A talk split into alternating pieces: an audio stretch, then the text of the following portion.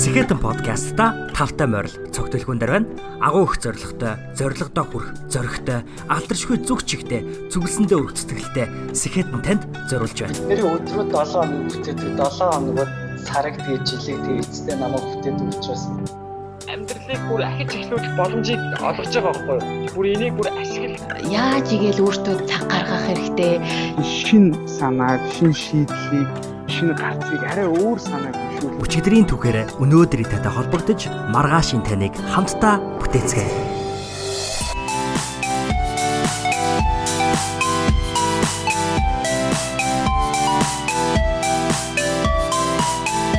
Байна уу сонсогчдоо. Энэ хүрээд сэхэдэн төслийн хүрээнд бэлтгэн хүргэдэг Ямин подкастын маань 68 дахь дугаар эхэлж байна. Тэгэхээр энэ удаагийн дугаар нэг байдлаар маш онцгой. А нөгөө байдлаар болохоор маш тийм ойр дотн мэдрэмж төрүүлсэн дугаар байх болоо гэж би итгэж байна. Ягаад гэвэл энэ удаагийн дугаарын онцлог нь юу гэхээр яг одоо та бүхэн харж байгаа. Тэр нь юу гэхээр би сүүлийн хідэн дугааруудаа яг юм бичсэн скрипт уншиж бол эхлүүлж исэн. Яг одоо болохоор шууд зүгээр л толгойд орж ирсэн зүйлүүдээ хэлээд яриад эхлүүлж байна.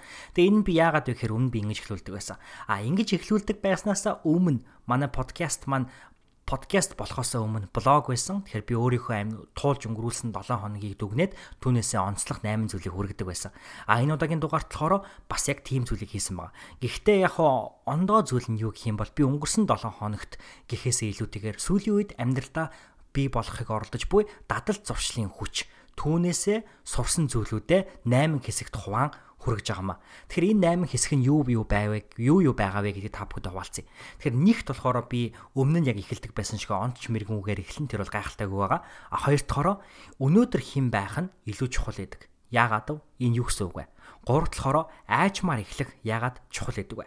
Дөрөв дахь зуршлын тэмдэглэл хөтлөх тухай тав болохоор will power буюу сэтгэлийн тэнхээ. Өөрөөр хэлбэл шийд одоо шийдвэр гаргалтын сулдаа гэж байдаг. Энэ зүйлээс хэрхэн сэргийлэх вэ? 6-ад keystone habit буюу тулгын чулуу буюу одоо суур чулуу дадал зуршил гэж юу вэ? Тэдгээрийн жишээнүүд. За 7-од нь 21 хоногт зуршил тогтдог гэж үнэн үү? Аль эсвэл а 21 удаа давтад хийвэлтэй зуршил тогтдгоо гэдэг. Одоо энэ энэ үнэхээр бодит зүйл үү? Аль эсвэл зүгээр үлгэр домог уу за хамгийн сүүлд нь болохоор миний амьдралдаа хөвшүүлэхийг оролдож буй энэ одоо подкастын дундуур дурдаг даагүй бусад зуршлууд юу вэ гэдгийг хамгийн сүүлд та бүхэнтэйгээ хуваалцаад энэ удаагийн дугаараа өндөрлүүлсэн байгаамаа. Тэгэд энэ удаагийнхаа миний ганцаараа хийсэн соло дугаар руу үсэрцгээе. Хамгийн түрүүнд онцолж эхлүүлэх энэ удаагийн дугаарын нэгдүгээр чухал зүйл бол нэг алдартай хүний хэлсэн үг. Тэр хүн нь хин бэ гэхээр бид бүхний сайн мэдих Брюсли агсан. Брюсли юу гэж хэлсэн байдаг вэ гэхээр бас тэр хэлсэн зүйл нь манай подкастын энэ удаагийн дугаартай маш их холбоотой. Тэгээд тэр нь болохоор хүчний тухай хэлсэн үг байгаа. Хүчний тухай тэрээр юу гэж хэлсэн бэ гэхээр би 10 мянган өөр өшөглөлтийг нэг нэг удаа давтсан хүнээс биш нэг өшөглөлтийг 10 мянган удаа давтсан хүнээс айна гэж айдгаа гэж хэлсэн байдаг. Тэгэхээр зэрэг энэ нь юу хэлж байна гэх юм бол зөвхөн өшөглөлт биш. Ямарваа нэгэн дадал зуршлыг тийм ээ 10 мянган удаа давтаж хийсэн. 10 мянган удаа тэр дадлыг өөрийнхөө амьдралд бий болохын төлөө оролцсон тийм хүн бол хүчтэй хүн. А харин өөрийн тэн амьдралыг сайжруулна, амьдралыг дээшлүүлнэ гэсэн 10 мянган өөр арга замуудыг нэг нэг нэг удаа туршиж үзсэн хүн биш. Харин нэг арга замыг нэг зүйлийг 10 мянган удаа тусаж үзсэн тэм зуршилтай хүн бол одоо бид бүхний сайн мэдих Брюслиг айлгаж шүү дээ. Тэгээ Брюсли гэдэг хүнийг бүгдөө мэдж байгаа те. Одоо миний хувьд бол супер баатар л гэсэн үг. Тэгээ яа би супер супер баатар гэж хэлж байна гэх юм бол супер баатрууд хүчтэй байдаг. Маш гайхалтай хүч чадалтай байдаг. Тэднийг онцгой болгодог зүйл нь хүч.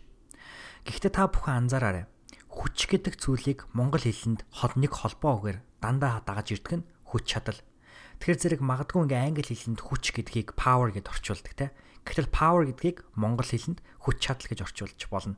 Тэр монголчуудын магадгүй үнэхээр арга ухаан, бэлэг ухаан гайхалтай учраас хүч гэдэг бол чадaltaй хүнд оршдог зүйл юм а гэж хэлсэн ч юм болов. Тийм учраас хүч чадал гэдэг холбоог байдсан болов гэж би боддог болсон. Тэгээ би энийг яг яасан бэ гэхээр саяхан би усан цэлчээд усан цэлснийхаа дараа халуун баан гэдэг штеп. Тэгээ ингээ халуун одоос ингээд баанд суугаад Тэгээд тэр халуун баанд сууж байхад ингээ ардаас чинь ингээд нөгөө халуун усаар ингээд үлээлгэж идэг юм уу да. Тэгээд би ингээд одоо тэр халуун усан дотор халуун баан дотор ингээд сууж явахдаа яг тэр усаар үлээлгэж байгаа газар нь гараа ингээд тавих юм бол одоо тэр даралттай ус миний гаран дээр ингээд тогтдог. Тэгэд би багада нөгөө Dragon Ball үздэг байсан. Тэгээ Dragon Ball дээр чинь одоо нөгөө Kamehameha гэл энерги бөөгнөрүүлж байгаа л ингээд одоо чулууддаг штэ тий. Наруто дээр ч гэсэн одоо янз бүрийн энергийн бөмбөлгүүд хийгээл байдаг. Тэг тэрнтэй адилхан юм ингээл гараараа тэр усны даралтын эсрэг ингээд барьж байгаа байхгүй. Тэгэхээр тэр усны даралт гэдэг бол ингээд хүч байгаа. Тэгэхээр тэр ингээд даралт руу ингээд гавлам гараа ойртуулах тусам тэнцээ ингээд буцалж байгаа юм шиг юм дүр зураг бий болдог. Тэгэхээр зэрэг тэр буцалж байгаа юм шиг дүр зургийг бий болгохын тулд би тодорхой хэмжээний одоо чадaltaй тийм ээ яг би чадaltaй гэдэг нь амар хүчтэй гэсэн үг биш шүү. Ямар ч одоо энгийн хүч чадaltaй ирүүл хүн бол тэр усыг ингээд тогтоон барьчихна. Гэтэ ингээд тэр усны даралт гэдэг бол хүч. А би тэр гараараа эсэргүүцэж байгаа чадал байгаа байхгүй? Тэгээ би яг тэрийг ингээд бодож явахдаа хүч чадал гэдэг чинь ингээд дандаа хоршиж оршдог зүйл юм байна гэд ингээд тэр үед бодсон юм. Тэгэхээр хүч чадал гэдэг зүйл бол өөрөө байн хорш одоо хоршин би болдог. Тэгээд дадал зуршил гэдэг бол өөрөө хүч. Аа тэгэхээр тэр дадал зуршлыг өөртөө бий болгосон хүн бас чадaltaй байж төдий чинээ тэр хүч чадлыг хүчийг хэрэгжилж чаддаг. Тэгэхээр одоо ямарваа нэгэн дадал зуршил гэдэг бол хүнд хүчийг өгдөг. Тэгэхээр бид бүхэн өөрсдөө тэрхүү бас хүчийг тогтоон барих чадaltaй байх хэрэгтэй. Тийм учраас энэ бол дадал зуршлын хүчний тухай одоо нэгэн анги юм а. Хоёрдугаар бид бүхэнд одоо дадал зуршлыг өөрсдийнхээ амьдралд бий болгох, аливаа дадал зуршлыг хөвшүүлэхэд хамгийн чухал одоо майндсет буюу сэтгэлгээ нь юу байх вэ гэхээр өнөөдөр хэн байх? Юунаас ч илүү чухал. Өнөөдөр юу хийх нь юунаас ч илүү чухал гэдэг энэ ойлголт юм байна гэж би бодсон. Тэгээд яагаад үг гэхээр өнгөрсөнд биднийг тодорхойлдог маш олон тодорхойлолтууд байдаг. За тэр тодорхойлолтууд нь сайн болоод муу байж болно. За энгийн жишээн дээр би ярив. Аа за одоо жишээ нь миний амьдралдаа хэрэгжүүлэхийг хамгийн их оролдож байгаа зуршлуудын нэг бол гүйлтийн спортоор хичээллэх. За гүйлтийн спортоор хичээллэхдээ гадаа гарч гүөх. За ингээ гадаа гарч гүйж яхад ингэж бодогдох зүйл байдаг. Жишээ нь би өмнө нь угаасаа гүйдэг байсан учраас за би угаасаа гүйд юм чи гайгүй гүйчин би угаасаа гүд юм чинь яг энэ удараа л гүчин гэж ингэж нэг сайн талаас нь хараа те би угаасаа л гүд юм чинь ягаад одоо гүйж чадахгүй гэж а заримдаа бас муу талаас нь харах зүйл байдаг за би энэ хурдаар л гүй за энээс илүү хурдан би бол өмнө нь гүйж чаддгүй байсан одоо ч гэсэн гүйж чадахгүй байх гэсэн одоо ойлголт за тэгээ заримдаа бас бид нэр ирээдүйд ирээдүйн өөрөөтөөгөө одоогийн өөрөөгөө згшиж харьцуулж одоо харьцдаг за тэр нь юу хэлж байгаа юм бол би ирээдүйд ийм хурдан гүйх ёстой Тийм ээ. Эсвэл би ирээдүйд ийм удаан, ийм чадалтайгаар гүйх хэрэгтэй. Гэтэл өнөөдөр би тэр хэмжээнд гүйж чадахгүй байна гэдэг энэ ойлголт нь эргээгээд биднийг хоошин татдаг. Тэгэхээр зэрэг юу хэлэх гээд байна гэхээр өнгөрсөн буюу өнгөрсөнд таныг юу гэж тодорхойлдог байсан хамаагүй мөн ирээдүйд та хэн болох нь хамаагүй хамгийн гол нь өнөөдөр амьдралтаа хэрэгжүүлэхээр шийдсэн тэр дадал зуршлыг яг өнөөдөр л хийх ёстой хэмжээнд нь хийхийг хамгийн ихээр чухалчлах ёстой. Тэгээд энэ тамирчдад их гардаг гэж би уншиж исэн. Тэр нь юу гэхээр тамирчдыг угаасаа хүн болгон за чи угаасаа тамирчин юм чинь ингээд спортоор хичээлдэг. Чи тамирчин юм чинь ирүүл тамирчин юм чинь хөдөлгөөнтэй гэж ингээд бусад хүмүүс тамирчин хүнийг хардаг. Гэтэл зарим тамирчид бусад хүний харж буй өнцгөр өөрийгөө харж байгаа учраас яг тэр одоо харах өнцгөөс нь хараад би угаасаа тамирчин юм чинь гээд яг үнэндээ үнэхээр тэр хүнийг тамирчин болгодог тэр зүйлүүдийг хийхгүй орхигдуулсан байх үеуд их олон байдаг гинэ. Тэгэхээр зэрэг юу хэлэх гээд нэг юм бол за би угаасаа тамирчин юм чинь би угаасаа ирүүл а би угаасаа тасгал хөдөлгөөн бол хийж байгаа гэд ингээд яг тэрэнд сэтгэл ханчдаг тий. Гэтэл яг үнэндээ тамирчин хүн гэдэг бол одоо ямарваа альва одоо мэрэгжлийн хүн бол альва одоо шат бол байнга ягчих хэвээр. Гэтэл өөрийг нь өмнө тодорхойлдог гэсэн тэр тодорхойлолтоос болоод тэндээ гацаа сэтгэл нь ханаад яг одоо илүү хичээлэх хэвээр байсан бол илүү хичээлэхгүй тийм хүн ингэ зүйлөө тамирчдад ажиглагддаг гэж би уншиж ирсэн. Тэгэхээр түүнтэй адилхан өнгөрсөнд та ямар сайн байсан чинь хамаагүй. Өнгөрсөн та альсвал ямар муу байсан чинь хамаагүй. Хамгийн гол нь өнөөдөр та хэн байх өнөөдөр та юу хийх нь хамгийн чухал. Мөн ирээдүйд бид бүхэн урталтаа маш том том зорилгоо тавьсан байгаа. Ялангуяа манай Сэхэдэн подкастын сонсогч нар бол гайхалтай гайхалтай зорилгоодыг тавьдаг, маш өндөр бүтээмжийг эзэддэг. Тэгэхээр таны хувьд тийм учраас бас тэр ирээдүйд өөрийгөө харж байгаа тэр өнцгөө битгий өнөөдөр таныг хоошин татах тийм хүчин чадал болгоорой гэж хоёрдугаар чухал зүйл байгаа. За гуравдугаар чухал зүйл нь аажмаар эхлэх. За аажмаар эхлэх яагаад чухал байдг вэ? Аажмаар эхлэхийн чухал нэг шалтгааныг би сая энэ хаврын үйлрэл эхлээд яг одоо тухайдл гүйлтийнхаа жишээг аваа яа. Тэр тэр нь юу гээр юу вэ гэхээр хаврын үйлрэл эхлээд за би нэг удаа гадаагүйгээд хоёр дахь удаага гадаагүйсэн. За эхний удаа гадаагүйхт бол ойрд гадаагүйгээгүй байжгаад гадаагүйсэн чинь маш гоё байсан. А өвлийн үйлрэлт болохоор ингээд treadmill буюу одоо гүйлтийн зориултын нөгөө зам дээр автомат зам дээр ингээд гүйдэг те. Тэгээ ингээд гадаагүйхэр чинь маш гоё а одоо нэг үзэгдлийг үзэл байхгүй шүү дээ. Өөр өөр барилгууд, өөр мод модод өөр хүмүүс, өөр одоо амьтад тийм ээ янз бүрийн ингээл өөр зүйлүүдийг ажиглаад л нэг байранда байгаад байхгүй. За тэгэл урууд нь өгсөн а янз бүрийн салхи салхилн нар мандан жарган гой үнэр үнэртэн эсвэл заримдаа муухай үнэр үнэртэн гэл янз бүрийн ондоо ондоо зүйлүүдийг гүйж байх хугацаанд одоо хүн туулдаг мэдэрдэг учраас гадаа гүөх бол маш гоё. За тэгээд би одоо эхний өдөр ингээл гадаа гүгэл хөөрөөл те амар гой гадаа гүйчихэж байгаа. За тэгээд нөгөө маргааш нь өнжөөд нөгөөдөр нь гараад гүйлээ. Гэтэл нөгөө өмнө нь трейд мил дээр гүдэг байх чинь яг ингээд би угаасаа одоо өгсөө байх уу уруу байх уу гэдгээ тохируулдаггүй. Яг л одоо нэг зориулт яг нэг хэмжээгээр ингээд гүдэг нэг хурдаараа заримдаа болохоор зүгээр л хурдаа нэмээд хурдаа удаашруулах байдлаар гүүн а гэхдээ ерөөс одоо өгсөө өгсөө бос гэдгээ бол ерөөсөө өөрчлөлтгүй. Тэгэхээр гадаа гүгээд ихэр чинь ингээл зам заримдаа өгсөө заримдаа уруу байгаад эхлэхэр чинь одоо өмнө нь ерөөсөө ажиллаагүй байсан өөр болчингууд хөлөнд ажиллаад эхлэн тийм үү. Тэгэхээр хоёр дахь удаага буюу эхний өдрийн нөгөөдөр нь гүүх үед маш их ингээд хөл өвдөжсэн шил бөвдөл ингээл айгүй хэцүү. Тэгээ би яг энэ гүйлтийн одоо энэ хаврын үйлрэлт би гүйлтийг гадаа гүүхийг нэг амьдралынхаа нэг чухал зуршил болгохтой зэрэгцүүлэн бясалгал хийхийг нэгэн чухал одоо зуршил болгож хөвшүүлэхийг бол оролдож байгаа. Тэгээ тэр үед ч гэсэн бясалгалынхаа зуршлыг бол эхлүүлээ удаагүй байсан. Тэгээ би яагаад тэр үед гүйлт гүйлтийн бясалгалууд сүүлийн үед гараад ирсэн. Ер нь бол Америкт одоо бясалгал гэдэг бол зөвхөн одоо суугаад бясалгах биш. Амьдралын бусад одоо хэм маягуудад амьдралын бусад хэсгүүдэд ингээ орж ирээд байна л да. Тэгээд тэдгээрийн нэг нь болохоор Headspace гэдэг одоо аппликейшн байдаг гар утасны програм. Тэгээд тэр програм нь болохоор сүүлд Nike-тэй хамтраад ер нь бол гүйлтийн бясалгалууд бол гаргасан. Тэгээ тэрийг гинт санаад гүйж явахдаа за ер нь тэр бясалгал өнөөдрийнхаа бясалгалыг гүйлтдэг ослолоод хийцгээгээд гिचгээгээд хийсэн.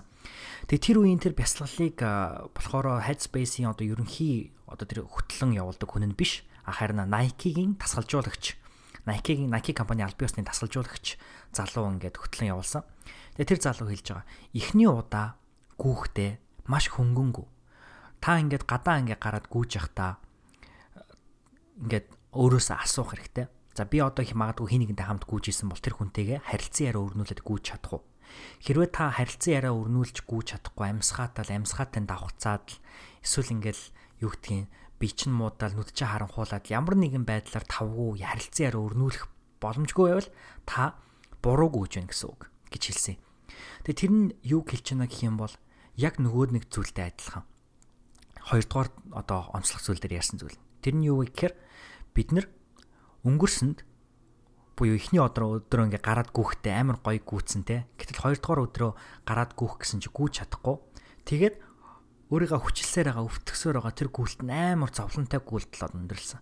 За тэгээ гуравт удаага гүөх гэсэн чинь нөгөө өмнөх зүйл нь бодогдоод за энэ гадаа гүөх чи амар хэцүү байл шүү дээ хөл өвдөөл шүү дээ би зовсон шүү дээ гэл ингээл бодно те. Тэгэхээр зэрэг ихний альва зуршлыг эхлүүлэхдээ тэр зуршилтай нь та тэр зуршлынхаа магадгүй эхний нэг удаа ядаж нэг удаа 2 3 4 4 дахь удаага тий эхний хэдэн удаадаа тэр хийж байгаа зүйлээсээ сэтгэлийн таашаал буюу кайф авах гад мэдрээд үзэх хэрэгтэй.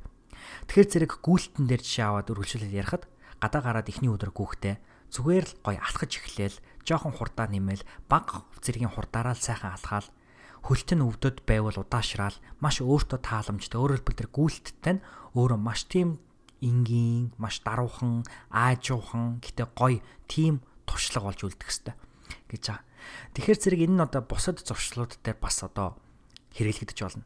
Жишээ нь бясалгалын зуршил дээр гэхэд бол бясалгал хийнэ гэдэг бол өөрөө айгуу ер нь бол одоо хүн болгон бясалгалыг өөр өөрөөр тайлбарладаг те.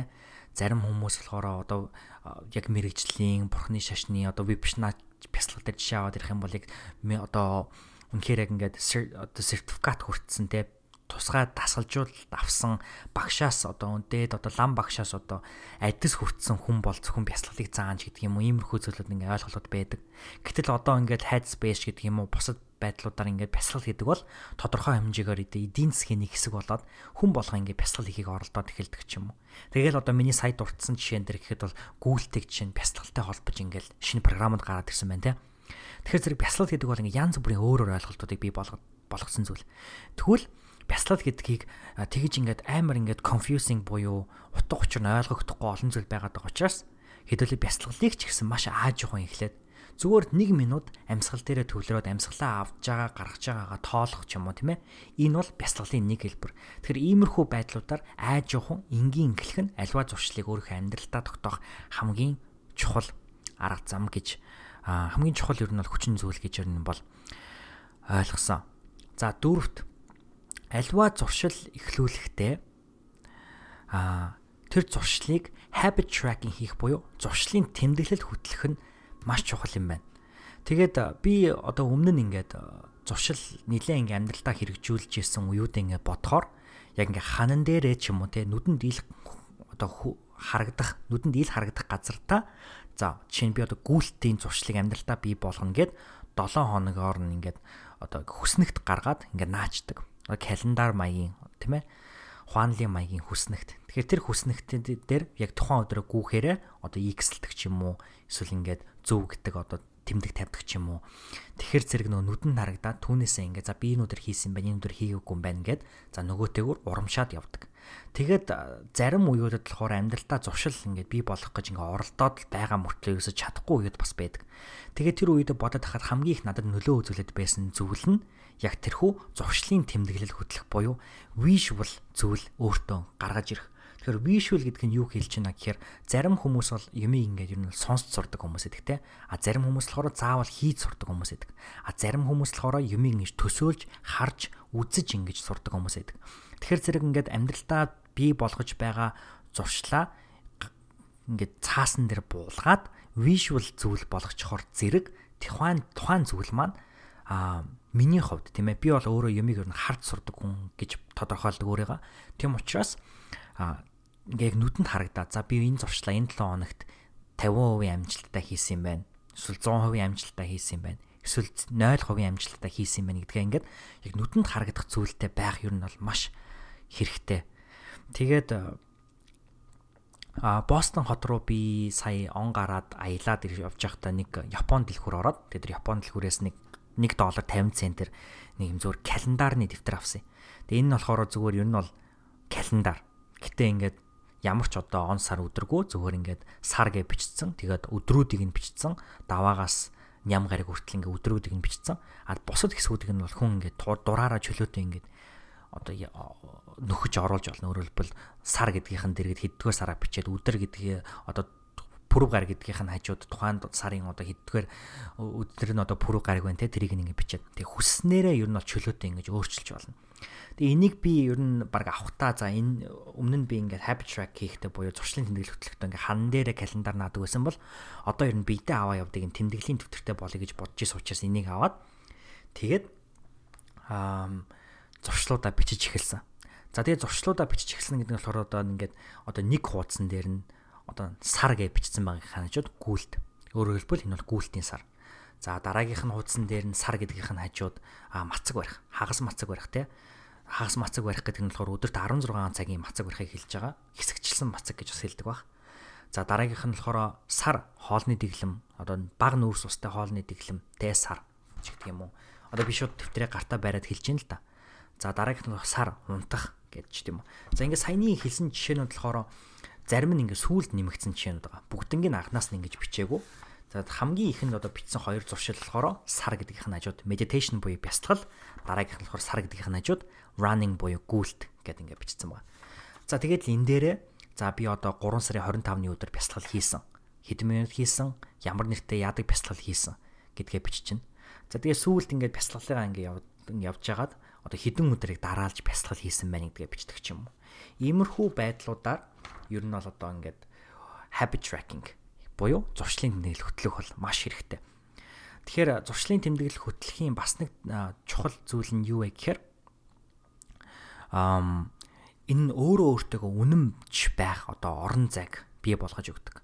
Тэгэхээр зэрэг бид нар ингээд за хоолны дэглэм барьж гин гэж бодъё те 7 хоногийн 5 өдөр нь хоолны дэглэмээ барьчлаа. Тэгтэл 6 дахь өдрөө магадгүй бид нар хоолны дэглэмээ бариагүй байж болно. Аа тэгэхээр зэрэг нөгөө нэг зуршлын дэвтэр дээрээ за би энэ өдөр хоолны дэглэмээ барьсан гэд доор нь болохоор магадгүй та хүсвэл а ямар ямар хоол идснэ ингээд тэмдэглэл хөтэлж болно.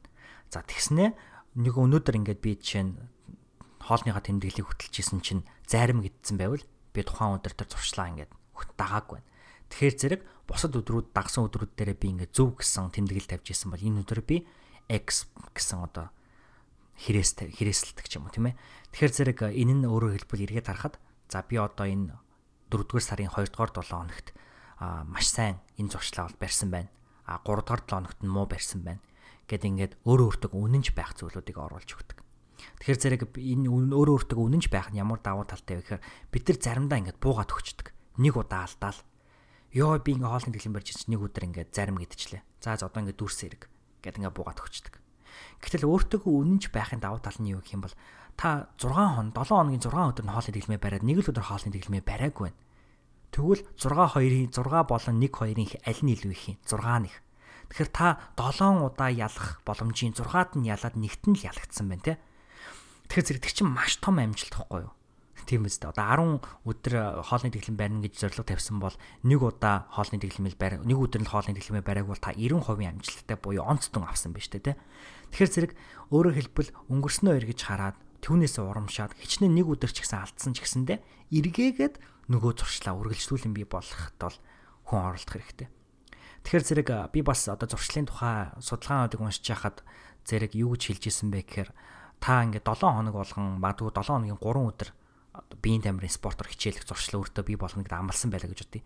Гэтэл үнэхээр амьдралд ямар нэгэн зүйл тохиолддог те. Та тэр 3 өдрийнхаа нэг өдөрт нь воркаута буюу одоо дасгалаа хийхгүй орхиж болно.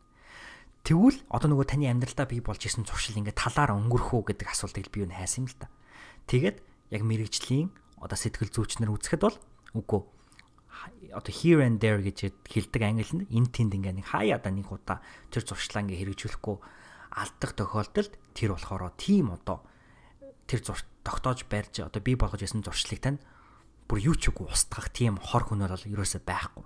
Гэхдээ мэдээж хэрэг тэглээгээд та одоо түнд нь за за ерэн зүгээр юм чи ингээд байнга ингээд түн одоо өөртөө excuse буюу шалтгаан гаргаад мэдээж хэрэг тэрийг аюултай байж болохгүй. Гэхдээ өөрөө өөртөөгөө үнэнч байх, өөрөө өөртөөгөө зөөлөн байх, мөн өөрөө өөрийнхөө өмнөх ялалтуудаас аа кайф авах, таашаал авах, өөрийнхөө өмнөх ялалтуудыг үнэлэх тэр одоо visual харагдах газрын зургийг гэж хэлж болно тийм ээ. Энэ одоо habit tracking дэвтэр буюу зуршлын тэмдэглэл бол танд өгнө. За тэгээд би одоо ингээд habit tracking бол ингээд хийж хийж байгаад заримдаа ингээд нөгөө зуршлаа ингээд тэмдэглэж байгаад хэдэн хоног дараалаад зуршлаа тэмдэглэхээ ингээд болчдөг. А гэхдээ яг нөгөө зуршлаа ингээд өдөр тутамдаа хэрэгжүүлэхийн хувьд бол хэрэгжүүлж байгаа. Тэгээ өөрөөр хэлбэл тархиныхаа нэг хэсэгт л ингээл за би тэр өдөртөө хийсэн шүү, хийсэн шүү, энэ өдөртөө энэ зуршлаа хийсэн шүү ингээл бодоол яваад байгаа. Тэгээ эн чинь ингээд тархин дотор ингээд нэг төрлийн бас ингээд нэг мэдээлэл ингээд хадгалаад байна шүү дээ. Тэгээ яг нөгөө дэвтэр дээр ингээд буулгахад одоо би нэг жишээ авахд бол сая 3 2 7 хоногийн өмнө нэг 7 хоногийн өмнө ингээд 8 хоног дараалаад ерөөсө track хийгээгүй байгаа юм. Тэгээд 8 хоног дараалал track одоо тэмдэглэлээ зуршлын тэмдэглэлээ хөтлөхгүй байжгаад тэр толгой дотор ингээд би одс бүх мэдлүүдээ буулгаад авсчих амар сэтгэл уужрал. Тэгээд яг хав зарим дээр нь алдсан байж болно, зарим дээр нь аа зарим дээр нь яг амжилттай байж чадсан байж болно. Хамгийн гол нь ингээд тарих ингээд сэлүүхэн орго явчихж байгаа байхгүй. Тэгэхээр зэрэг бас ингээд зуршлын тэмдэглэл хөтлөх нь бас ингээд тархинд ингээд өрөө гаргаж өгдөг юм шиг санагдсан. Тэгээд яг хав надад бас нэг одоо 8 хоног дарааллаад одоо хэд 3 4 ч юм уу хідэн зуршил байгааг нь би санахгүй. Гэхдээ ер нь бол би бол цөөхөн зуршлаас бол энэ хаврын үйлрэл эхэлсэн. Нэг хоёр зуршлаас л одоо эхэлсэн те. Тэгээ аяанда бусад одоо эхлээд тогтоосон хоёр зуршил маань амжилттай яваад ирсний дараа бусад шин зуршлуудыг бол амьдралдаа бий болгож эхэлж байгаа. Гэхдээ ер нь бол одоо хэд хэдэн зуршлууд ингээ амьдралдаа ингээ давхар ингээ бий бий болгоо явчихаар мэдээж хэрэг одоо дөрвөн зуршлыг л чинь 8 хоногийн турш байна гэдэг чинь одоо 36 өөр зуршлыг ингээ толгоон дотроо өдөр болгоны тэмдэглэл яваад ингээ төлөв А тэгэхээр зэрэг надад ингээ 8 хоног зуршлын тэмдэглэлийг хөтлөхгүй байжгаад эргээд хөтлөхөд хамгийн их тусалсан зүйл бол гар утсан дээрх одоо програмууд. Тэгэхээр одоо өнөөдөр бол хүн болгон ухаалаг утас буюу смартфон хэрэглэж байна. Тэгэхээр миний зүгээр одоо амьдралтаа баримталдаг баримтлал нь юу гэх юм бол ухаалаг утсыг маш ухаалгаар бол мэдээж хэрэг хэрэглэх хэрэгтэй. За тэгээд тэрхүү ухаалгаар хэрэглэхэд тусалдаг програмууд нь миний хувьд юу байсан бэ гээ би эхлээд эхлэж гэжтэй. Энэ энэ одоо онцлох дөрөвдүгээр онцлог зүйлтэй гялс та бүхэнд бас сонирхуулъя гэж бодож байна. За миний хамгийн түрүүнд дурдах хэвээр програмуудын нэг болохоор Headspace байгаа. Тэгэхээр Headspace гэдэг нь болохоор бясалгалын програм. Тэгэхээр зэрэг би яг энэ Headspace-ийг би юу нэг өмнө нь ингээд зөндөө хэрглэж үзчихсэн л да. Тэгээд нэг тэгэж одоо анх ер нь бол өмнө нь хизээч би яг Headspace-ийг одоо хэрглэж байгаа хэмжээнд бол хэрглэж үзээгүй. Тэгээд ингээ Headspace-ийг хэрглэж байхад аа нэг давуу тал нь юу гэхээр хідэн өдөр дараалж бясалгал хийснэгтэй нь хилдэг. Тэгээд Headspace буюу одоо толгооны орон зай гэдэг тийм ээ. Head буюу толгой, space буюу орон зай гэдээ таах юм бол гараад ирнэ. iPhone дээр бол Android дээр аль алин дээр нь байгаа. Тэгээд энэ Headspace-ийг хэрэглээд бясалгал хийх юм бол ер нь их анх эхэлж байгаа хүнд маш зүгээр. За Headspace-ийн хувьд болохоор төлбөртэй програм. Гэхдээ эхний 10 одоо бясалгал нь үнэгүй байдаг. Гэхдээ эхний 10 бясалгал нь юу вэ гэж юу хэлж байгаа юм бол бясалгал хийж эхлэх хамгийн одоо суур бясалгалын програм дотор нь байгаа Headspace тэр нь үнэгүй. Тэр нь болохоор 10 өдрийн програм байхгүй. А тэр 10 өдрийн програмыг хэдэн ч удаа ингээд дахин дахин хэрэглээл байж болно. Тэгэхээр зэрэг зөвхөн тэр одоо basic буюу хамгийн анхны программыг нь хэрэглээд л ерөнхий программыг хэрэглээд байх юм бол та хэдэн ч удаа хийж болно төлбөр төлөхгүйгээр. Тэгээд миний бас нэг Headspace-ийг хэрэглэдэг байсан арга нь юу гэхээр YouTube-ээс зүгээр Headspace гэдэг хайх юм бол яг Headspace-ийн өөрсдийнх нь одоо шууд нэвтрүүлгээр дамжуулж хийсэн бясалгалууд байдаг. Яг адилхан тэр програм дээр хэрэгжилж байгаа бясалгалтай яг адилхан. Тэгээд Тийм. Гэтэ яг одоо энэ зуршлын хувьд болохоор би нөө Headspace-ийг хэрэглээд зуршил одоо бясалгалаа хийж байгаа учраас зэрэг миний гар утсан дээр хизээ бясалгал хийсэн бэ, хизээ бясалгал хийгээгүй гэдэг нь тодорхой байдаг. За дараагийн нь болохоор сүүлд за нэг 2 7 хоногийн өмнөөс нь одоо миний би эргээд яг нөгөө одоо хүндийн үргэлтийн спортоор эргээд хичээлж эхэлсэн. Одоо тэр нь болохоор нэг амар одоо хүнд жингүүд авдаг. Мэргэжлийн тамирчны хэмжээнд гэсэн үг одоо биш те. Зүгээр яг ингээд фитнест яваад одоо гантел өргөөд ч гэх юм уу ер нь бол одоо чээж шахаад те ингээд янз бүрийн өөр болчингуудаа хөгжүүлээд явж байгаа. Тэгээд өмнө нь болохоор баясаа ингээд тогтмол хичээлдэг байсан. А гэхдээ сүүлд болохоор гараа гимтээгээд 100 гарныхаа бугуу гимтээгээд нэлээд удаан хичээлэхгүй байж байгаа саяхнаас эргээд хичээлж байгаа.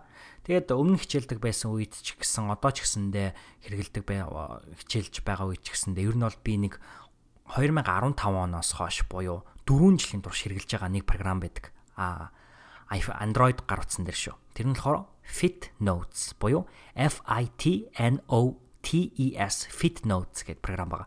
За энэ дээр болохоор одоо дасгалынхаа нэрийг оруулаад Тэгээ хэдэн килограмм одоо жинтэй гантеллер ч гэдэг юм уу те хэдэн удаа хийсэн бэ гэдгийг ингээ оруулцдаг. Тэгэхээр энэ програм болохоор ингээд бас одоо шин шин одоо тасгалуудыг өөрөө хийгээд оруулчих болдог. Тэгээ ямар ямар булчингуудын програм одоо тасгал хийдгийг ингээ оруулчих болдог. Тэгэхээр ингээд одоо айл айл булчин дээрээ илүү их ажиллаж гин, айл булчин дээрээ илүү их тасгал хөдөлгөөн хийж гин гэдгийг ингээ харуулдаг. За мөн ингээ тэмдэглэлээ удаан хөтлөөд яваад ирэхээр зэрэг за нэг удаа шахвал ийм төдий ийм хэмжээний жин авбал дийлж магадгүй гэсэн одоо ийм бас prediction буюу таавал тааварлтыг надад бас өгдөг тийм ээ магадлалыг надад өгдөг. Тэгээ энэ байдлууд дээр нь fit notes их зүгээр. Аа тэгээ ер нь бол бас ингээд календартай. Тэгээ календартай учраас тэр календар дээр ингээд цэг тавьчихдаг. Би өмнө нь болохоор Антошкатай ярилцсан. Антошка 50-а бид гурван ярьсан дугаар дээр энийг ярьчихсан бах энэ програмын талаар цэг тавих гэх. Тэгээ цэг тавих гэдэг нь юу вэ гэх юм бол энэ календар дээрээ за би энэ өдөр воркаута хийсэн, энэ өдөр тасгалаа хийсэн гэд цэг тавьчихаар зэрэг эргээгээр нөө календараа харахад за энэ 7 хоногт би 3 удаа тасгал хийх ёстой байсан, 3 удаа хийсэн болсон байна гэд. Тэгээд одоо шинэ 7 хоног эхлээд шинэ өдөр би тасгалаа хийхдээ нөгөө календар руу ороод өмнөх 7 хоногийнхаа тасгалыг copy paste хийгээд хуулаад тавьчихдаг. Тэгэхээр зэрэг дахин дахин нөгөө тасгалуудаа хийх нэмж одоо бичиж оруулахгүй зөвөр өмнө нь 7 өмнөх 7 хоногт нь одоо хэдий их чин орол одоо өргөсөн байна те тэр бүчингүүд нь ингээд цаанаас ингээд одоо хуулагдаад түрээд ирнэ тэрийг нь харж байгаад нэмэх үү хасах уу яах уу ийх үү гэдгээ шийдээд ингээд тэмдэглээ явцдаг. За тасал хөдөөний хувьд тэр байна. За гүү одоо усан цэлэх, гадаа гарч гүүх, за бусад одоо янз бүрийн спортоор хичээллэх те гизний таталт хийх эдгээр зүйлүүд болохоор би Fitbit гэдэг програм хэрэгэлдэг. А гэтээ Fitbit програм хэрэглэхдээ юу байгаа? Би тусгай одоо цагийг нь хэрэгэлдэг Fitbit гэдэг компани одоо ухаалаг цаг гэх юм уу да. Ухаалаг цаг гэхээсээ илүү яг го цагны хувьд бол цаг гэхдээ одоо smart watch гэж ярих юм бол ер нь бол Apple компани Apple Watch илүү ухаалаг цаг штэ тий. А Fitbit-ээс гаргаж байгаа одоо энэ wearable gadget гэж хэлдэгтэй энэ өмс зүвдэг өмсдөг төхөөрөмж нь ухаалаг цаг гэхээсээ илүүтэйгээр fitness tracker буюу тасгал хөдөлгөөнийг track хийдэг буюу тасгал хөдөлгөөнийг хөдөлдөг, тэмдэглэдэг ийм зориултын цаг байдаг. Тэгэхээр зэрэг тэр нь одоо ухаалаг цагнаас зөвөр юугаар ялгаад байв гэх юм бол хувьд болохоор нэг цэнгэлч 4 хоног ингээд цэнгээ барьцдаг.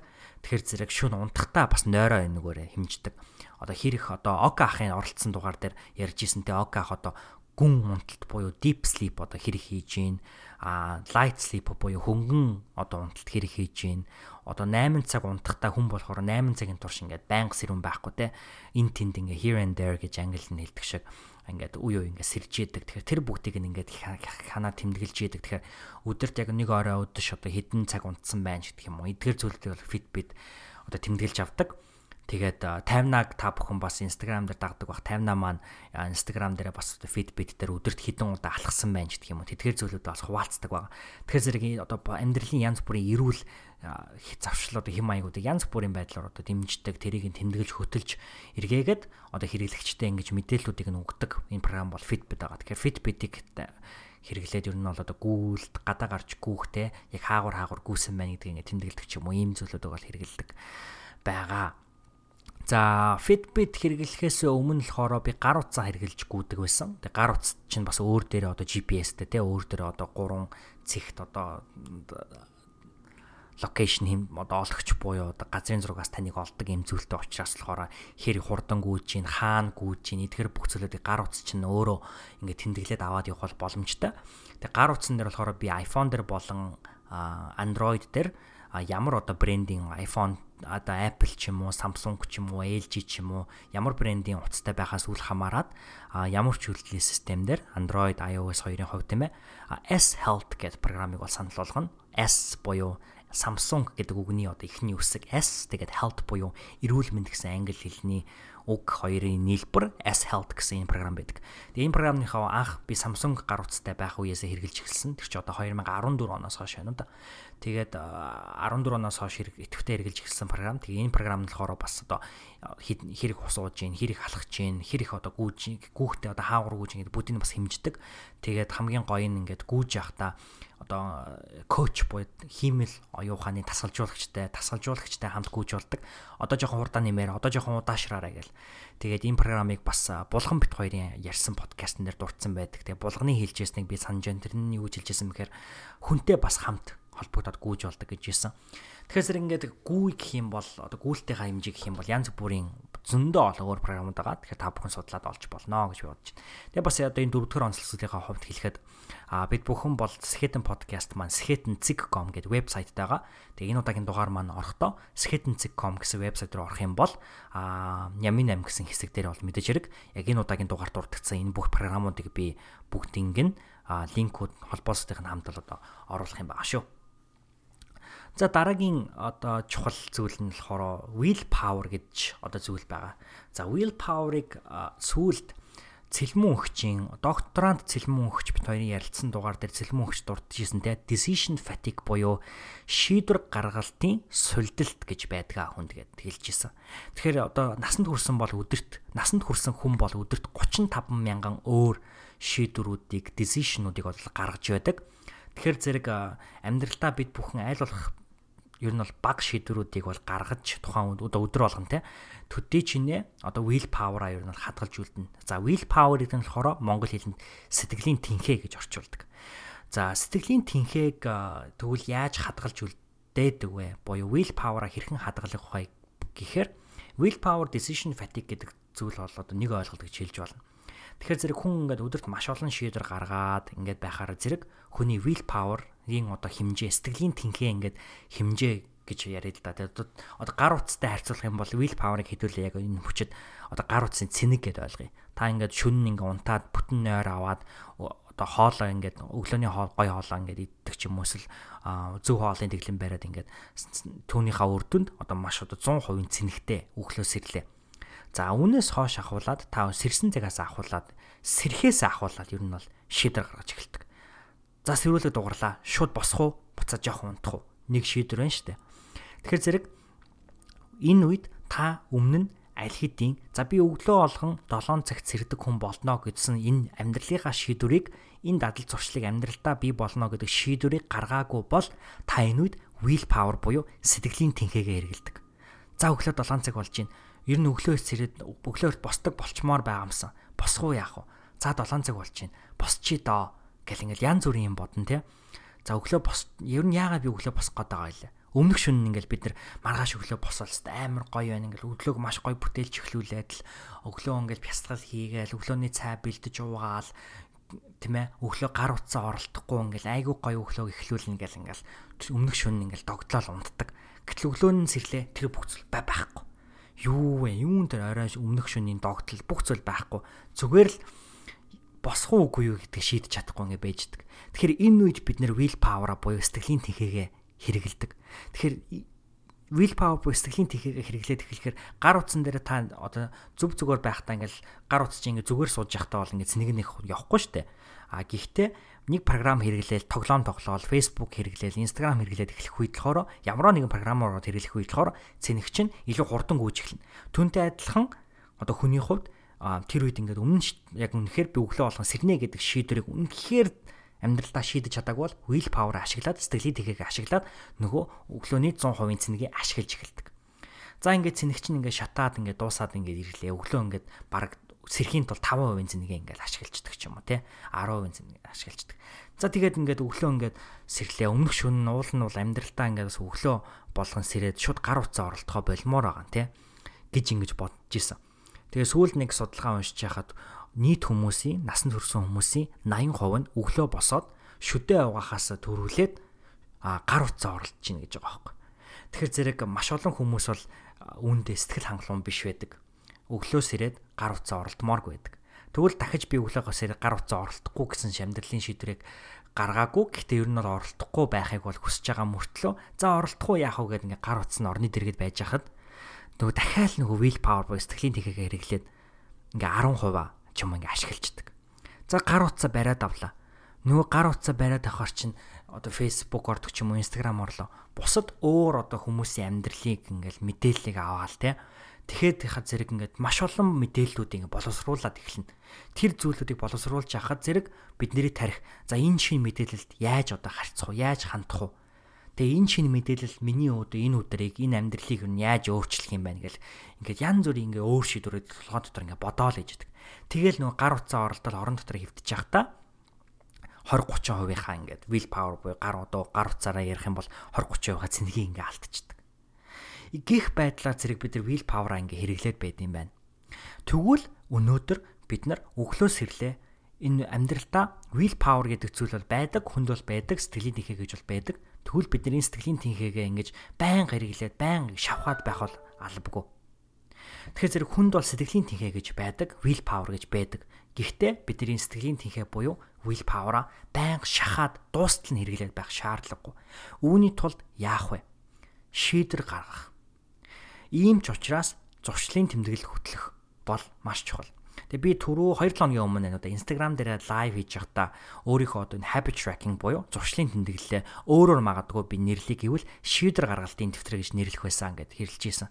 Тэгээ яагаад үг гэхээр би энэ дэвтэр дээрээ энэ сар бол дөрөвдүгээр сар бол энэ хаврын үйлрэл бол гүйлтийн үйлрэл гэдэг ингээ шийдвэр гаргачихж байгаа байхгүй. Тэгээ би биччихэж байгаа.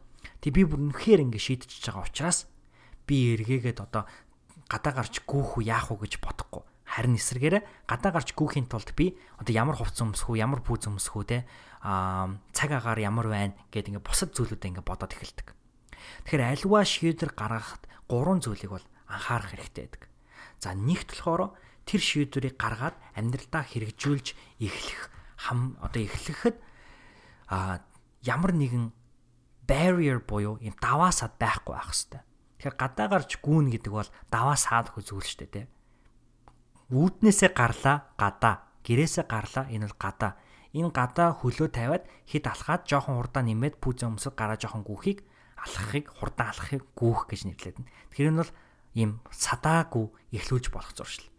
За Мөн хоёр дахь чухал зүйл нь болохоор энэ зуршиллыг хийж эхлэхэд маш одоо энгийн жижиг алхмуудыг авах боломжтой байдаг.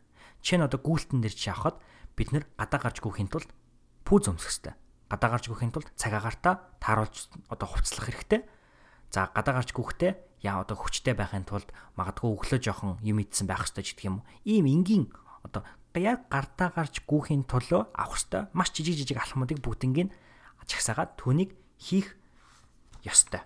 За 3 дугаар чухал зүйл нь юу вэ гэх юм бол энэ зуршлыг та амьдралдаа бий болгоход нэг сараас бага хугацааг ер нь бол зарцуулж зарцуулж болно. За магадгүй одоо зөвхөн зуршилт гэхгүй ямарваа нэг амьдралтаа төслийг хэрэгжүүлэх гэж байгаа бол те жижигхэн одоо хувийн төсөл хэрэгжүүлэх гэж байгаа бол магадгүй энэ нэг сар хангалттай хугацаа биш байна гэж бодъё.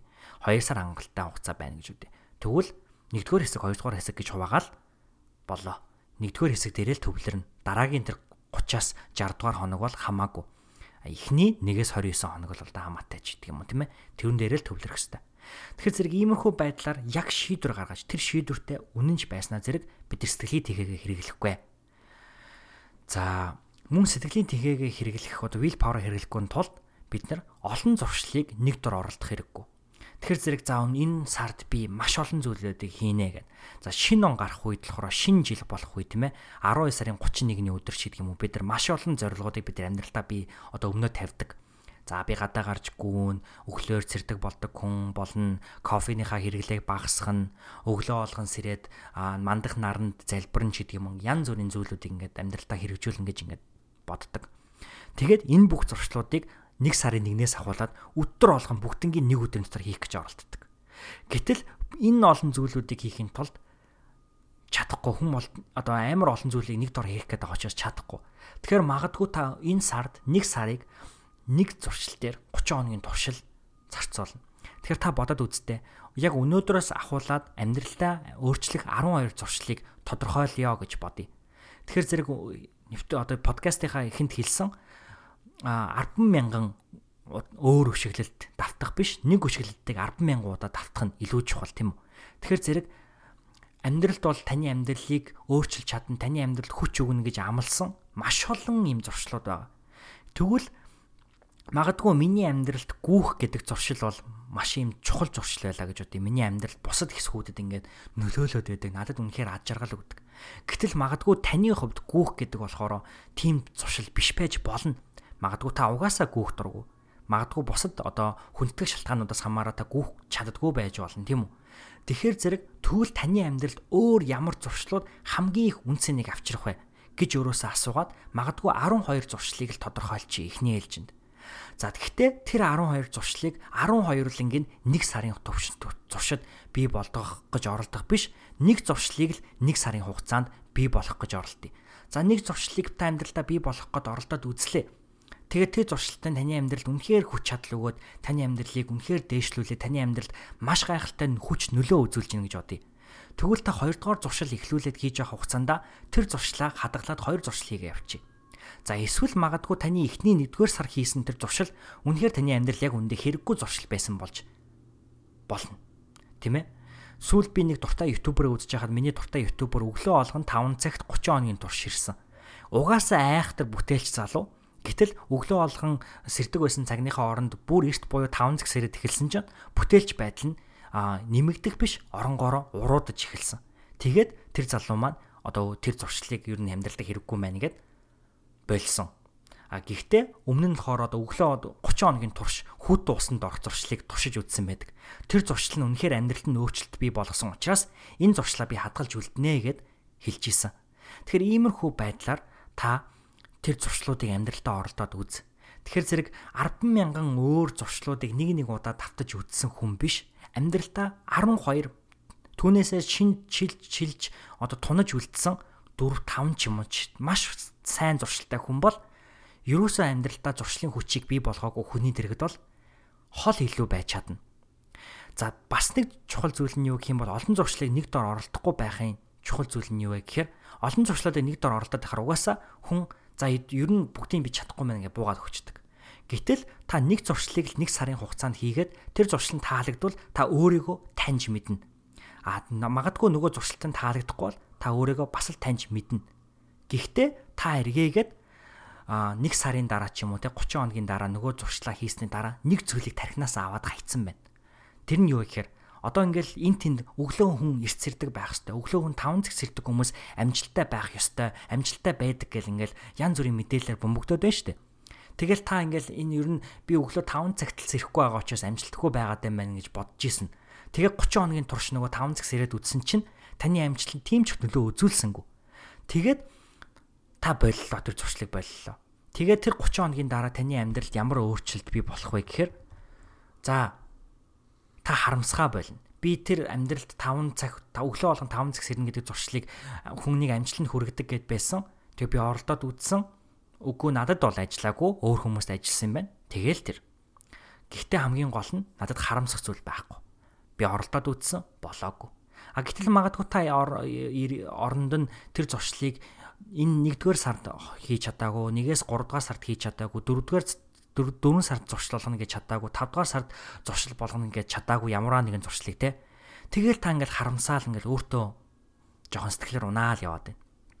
Тэгэхээр зэрэг энэ нь өргөйгээд таны одоо энэ сэтгэлийн тэнхэнд муу нөлөө үзүүлнэ. Тэгэхээр зэрэг олон зуршлыг нэг дор буу оролдоорой за 6 дахь би бас онцлохыг хүсэж байгаа зүйл нь юм бол keystone habit гэж англи хэлэнд хэлдэг. Энийг болохоор монгол хэлэнд тулгын чулуу, суур чулуу гэж одоо орчуулж болно. Тэгээ энэ нь юу хэлж байна гэх юм бол хүний амьдралд зарим зуршлууд бусад зуршлуудаас илүү хүчтэй байдаг. Тэгэхээр өмнөх одоо жишээн дээр ярьсан те магадгүй таны амьдралд гүүх гэдэг бол зуршил биш байж болно. А харин хин нэгэн өөр хүний амьдралд тэр зуршил маш хүчтэй зуршил учраас амьдралын бусад хэсгүүдэд нөлөөлж болно. Тэгвэл keystone habit гэдэг нь бусад одоо амьдралдаа бий болгох шаардлагатай зөв зуршлуудыг бий болгоход хамгийн үүрэг нөлөө үзүүлдэг мөн хамгийн хүчтэй зуршлууд байгаа. Тэгэхээр зэрэг би Business Insider сэтгүүл дээр дурддагдсан 8 одоо жишээ keystone буюу тулгын чулуу зуршлуудыг та бүхэнд дурдъя гэж бодож байна. Тэгэхээр түрүүн хэлсэнчлэн энэ зуршлууд 8 лингийн хийснээр таны амьдрал одоо 100% маш дараагийн түвшинд гарна гэж ойлгохоос илүүтэйгээр энэ 8-аас аль нь танд хамгийн их ажиллах, аль нь танд хамгийн их чухал болохыг өөрөө туршиж, оролдож, мэдэж авах нь чухал юм шүү. За тэгэхээр айгүй сонирхолтой энэ Business Insider сэтгүүл дээр дурдсан хамгийн ихний зуршил нь болохоор гэр бүлэрээ үдшийн хоол идэх. Өөрөөр хэлбэл оройн хоолоо гэр бүлэрээ хамт ширээ тойрч сууж агаад идэх. А магадгүй энэ нь одоо жижигхэн зүйл байж боловч хүний амьдралд том нөлөө үзүүлдэг гэдгсэн байна. Тэгээд одоо жишээ нь хэрвээ та хүүхэдтэй бол тийм ээ таны хүүхдийн чинь одоо гэрийн даалгавраа хийх скиллүүд анги одоо дүнгууд тийм ээ хичээлийн дүнгууд тэгээд emotional control буюу одоо EQ гэж ярддаг те өөрийнхөө эмоц сэтгэл хөдлөлийг контрол хийх удирдах тэр чадвар нэмэгддэг мөн өөрөө өөртөө итүү ихтгэлтэй болдог юм л дээ. Тэгэхээр магадгүй таач гэсэн өөрөө гэр бүлтэйгээ аав ээжтэйгээ амьдрдаг бол аав ээжтэйгээ орой олгон хоол идээд ингээд бас ярих хэвээр юм яриад ингэж ах. Эсвэл гэр бүлээрээ ингээд ярьж ах. Ер нь бол гэр бүлд маш олон ондоо ондоо юм юмуд байдаг гинэ. Давуу талууд тэгэхээр бол оройн хоолыг гэр бүлээр идэх. А хоёр дахь бизнес инсайдер сэтгүүлийн дурдсан зуршил болохоор өглөө олгон ороо хураах. Тэг монголчууд нөгөө нэг нэг ийм үг байдаг штэ. Үг гэхээсээ илүү одоо хүүхдүүдэд ярьдаг. Ер нь бол хүүхд байхаас ахвалаад хилдэг одоо зуршил ч гэдэг юм уу. Тэр нь юу гэх юм бол ороо урахгүй бол тэр өдрийн ажил бүтдэггүй гэж намайг л манай гэрийнхэн жоохон багт хэлдэг байсан. Тэгээ өдрө болгон өглөө болгон сэрээ за хамгийн түрүүнд баг хийдэг байсан зүйл ороо ураах байдаг байсан. Тэгээд Америкт ирсэн чинь айгуу сонирхолтой хүмүүс бол нэг тэгж ороо хураадаггүй. Энэ одоо Монголд би бүр нэг жишээг санддаг байхгүй. 2014 онд би Монголд ирээд байжсэн чинь манай төвшөө гэдэг нэг найз ингээд найзтайгаа бид нэр ингээд гадуур аялах гад тэгсэн чи маа найз ингээд гэрээсээ гарч ирснэ хөшөр нь байж байгаа би гэртээ ороод ороо ураах ураач дэрийгээд тэгэхгүй бол нэг ажил бүтггүй санагдаад наа гэд тэг гэртээ ороод ороо ураач буцаж гарч ирж ирсэн аахгүй тэгэхээр манай монголчуудын хувьд бол монгол залуучуудын хувьд бол өглөөс ирээд ороо ураах гэдэг бол бүр ингээд гайхалтай зуршил. А Америкт тийм биш байдаг. Хүмүүс нь ингээл өглөөс ирэл ороо тэр чигтнийг орхоо явчихдаг. А миний мэдх ингээд одоо өндөр бүтээмжийн эзэд тийм ээ. Ингээд өөрийнх нь амьдралыг өөрчилсөн зуршлуудыг ингээд ярьж байхдаа ороо хурааж сурсан нь их өөрчлөлт авчирсан гэж одоо эхэлдэг. А манай Сэхэтэн подкастыг удаан хугацаа сонсож байгаа хүмүүс л одоо миний хийсэр менторуудыг бол хандахгүй. Одоо тэдгээрээс дурдах юм бол Tim Ferriss ороо орахыг зөвлөдөг. А Lewis Howes ороо орахыг зөвлөдөг. За гих мэдчлэн. А мөн За би яг одоо гинт ингээд ярьж байгаа учраас нэрээ санахгүй. Гэтэ та бүхэн миний хэнийг яриад байгааг мэдж байгаа. Гэтэ Америкийн одоо маш одоо тусгай ажиллагаанд ажиллаж байсан. Ер нь бол олон жилийн тусгай Jocko Willing гэдэг хаа. Jocko Willing бас өглөө болгон 5:45 4 5 5 цаг 4:45 сэрээд хамгийн түрүүнд хийх төсгөл нь ороо хураах гэдэг ч юм. Иймэрхүү зүйлүүдийг бол санал одоо хэлж идэг.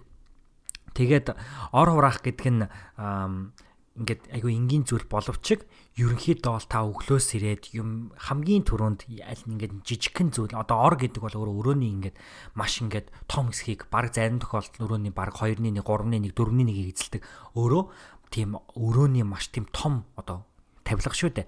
Тэгэхээр тэр тавилгыг маш ингэж гой ингэж хурааснаар ер нь яг гой гэхээс илүү өмнөхөөс арай дээр хураасан хураадаггүй байсан бол баг зэрэг хураагаад баг зэрэг гой ингээд хураагаад тавьчихдаг байсан бол тэрийг бүр ингээд гой бүр ингээд хөвтийлгээд одоо тэгшдгээд гэдэг юм уу те. Тэгээ ингэсэн нь болохоор судалгаан дээр батлагдсан байт юм байна. Business Insider сэтгүүлээс үзэхэд тэр нь юу гэх юм бол судалгаан дээрээс харахад өөр хүний productivity буюу бүтээмжтэй байдлыг бол нэмдэг а мөн sense of well-being буюу өөр амьд эрүүл амьдралын хэв маягтнаар амьдарч байгааг мэдрүүлэх тэрхүү одоо мэдрэмжийг нь нэмж өгдөг. А мөн аюул сонирхолтой нь хувийн санхүүгээ зохицуулах чадварыг нэмэгдүүлж өгдөг гэсэн байна. А тэгээ бас нэг сонирхолтой судалгаа нь болохоор а энэ судалгааг хийсэн хүн юу гэж хэлсэн бэ гэх юм бол Psychology Today гэдэг одоо репорттой гарсан тийм ээ. Тэнд юу гэж хэлсэн бэ гэх юм бол ам ор хураадаг хүмүүс болон ороо хураадаггүй хүмүүсийн хооронд ямар ялгаа харагдсан бэ гэхээр ороо хураадаг хүмүүс нь илүү ажилтай дуртай. Мөн өөрийн гэсэн одоо гэр орон эзэмшдэг. Тэгээд тогтмол одоо дасгал сургуулалт бол хийдэг. Мөн айгүй сайн унтаж амарсан байдгаа гэсэн. Тэгэхээр зэрэг ер нь бол би өмнө нь бас хэлж исэн хүнд орчин бол их нөлөө үзүүлдэг. Орчин гэдэг нь болохоор мэдээж хэрэг нэгт хүрээлэн буу хүмүүс, хоёрт яг хүрээлэн буу орчин буюу ийм материалыг эд зүйл өрөө гэр орон тийм ээ? Энэ зүйлүүд. Тэгэхээр ингээд урт өдөр өнгөрөөл 8 цаг ажиллаад хэдэн цаг найзуудтайгаа гадар байж байгаа ч юм ингээд хэдэн цаг номын санд сууж байгаа ч юм ингээд ирээд өрөөндөө ороод ирэхэд өрөөний хамгийн одоо төв хэсэгт байдаг. Өрөөний хамгийн том тавилга ингээд маш өглөө ингээд гоё зэгцлээд тавьсан зүйл болохоор өглөөг ямар гоё эхлүүлснийг нь санагдуулдаг. Төдий чинээ ингээд орчин тойрон чинь хүрээлэн бо орчин чинь цэвэр цэмцгэр байхаар зэрэг баг стрессдэг. Тэгэхээр баг стресстэйс ахуулаад магадгүй хүн илүү сайн унтаж амардаг юм болов уу гэж би зүгээр бодож За дараагийн Business Insider сэтгүүлийн дурдсан 3 дахь зуршил нь юу гэх юм бол тасал хөдөлгөөн бол тогтмол хийх. Энэ нь болохоор илүү одоо дээр зан чанартай байх, илүү бага стресс төлөг, өөртөө ихтгэлтэй байх болон илүү сайн нойр авахд одоо тусалдаг. А дараагийнх нь одоо тав дахь нь их сонирхолтой зуршил байна л да. Тэр нь болохоор юу идэж байгаагаа тэмдэглэх. Өөрөөр хэлбэл өөрийн хоолны зуршлаа тэмдэглэх. Би бас түрүүнд дурдсан те. Тэгэхээр ер нь бол одоо дур идсэн бүх зүйлүүдээ одоо тэмдэглэж явснаар бусад зуршлуудыг болохоор мөн одоо тэмдэглэхэд ер нь тусалдаг. Тэгээ энэ бол хоолноос эхэлж болдог гинэ. Тэгэхээр ер нь бол ингээд хоолны тэмдэглэл хөтлөөд эхлэхээр яг ер нь бол нэг 7 хоногт ямар хоол идэж чинь те. Магадгүй ихний 7 хоногт за яг ийм хоолны дэглэм байна гэхгүйгээр зүгээр л өдөр тутамд ийдсэн зүйлээ ингээд тэмдэглээд яваад ахад 7 хоногийн эцэс гэхэд хоолн дээр гадуур хэрэг хоолж гин түүндээ хэр их мөнгө зарцуулж гин те гэртээ хэрэг хоолж гин гадуур хооллохдоо ер нь ямар төрлийн хоол идээд гэртээ хооллохдоо ямар төрлийн хоол идээд гадуур хооллохдоо илүү эрүүл хоолж гин үү? Альсвал гэртээ хоол хийж идэхээр илүү эрүүл хоолж гин гэж гэх юм уу? Иймэрхүү зүйлүүдээ бол харж болно. За дараагийн зуршил нь болохоор өдөр тутмын рутин бий болгох за рутин гэдэг нь болохоор өглөөс ирээд шууд ингээд хийдэг тогтмол зуршлууд аль эсвэл үдэш унтахаас өмнө яг нэг цагт одоо хийдэг тогтмол бас зүйлүүд тийм үү. Тэгэхээр зэрэг хүн болгоны хувьд бол өглөөний рутин бол маш ондоо байдаг. Гэтэ түүнээс үл хамааран өглөөний рутин ер нь бол өөрийнхөө бодол, өөрийн үйл хөдлөл, өөрийн өдрийг тэгж рутинээр дамжуулж зохион байгуулдаг хүмүүсээс харж үзэхэд энэхүү одоо psychology report-оор дамжуулан business side дээр тавьсан энэхүү сэтгүүлдээ гаргасан энэхүү зүйлээс харахад эдгээр хүмүүс нь одоо илүү эрүүл, илүү бүтээлч, мөн илүү санхүүгийн одоо сахилга баттай, мөн санхүүгийн илүү тогтвортой байдалтай, мөн илүү аж аргалтай байдаг гэж бот хэлсэн байна. Тэр өглөөний рутин гэдэг нь болохоор өглөөс ирээд өөртөө одоо цай хийж уудагч байдаг юм аль эсвэл ном юм уу сэтгүүл сонин уншдаг байд юм уу аль эсвэл ер нь бол өглөө олгон өглөөг тасгал сургуультаар эхлүүлдэг байд юм уу танд юу хамгийн гой тохирж ин түүнийг оролдоод үзээрэй. За дараагийн 7 дахь ам бишээ энэ хэд технологи байна. За би ер нь тоо алчих шиг бол. Гэтэ дараагийн зуршил нь юу гэх юм бол бясалгах.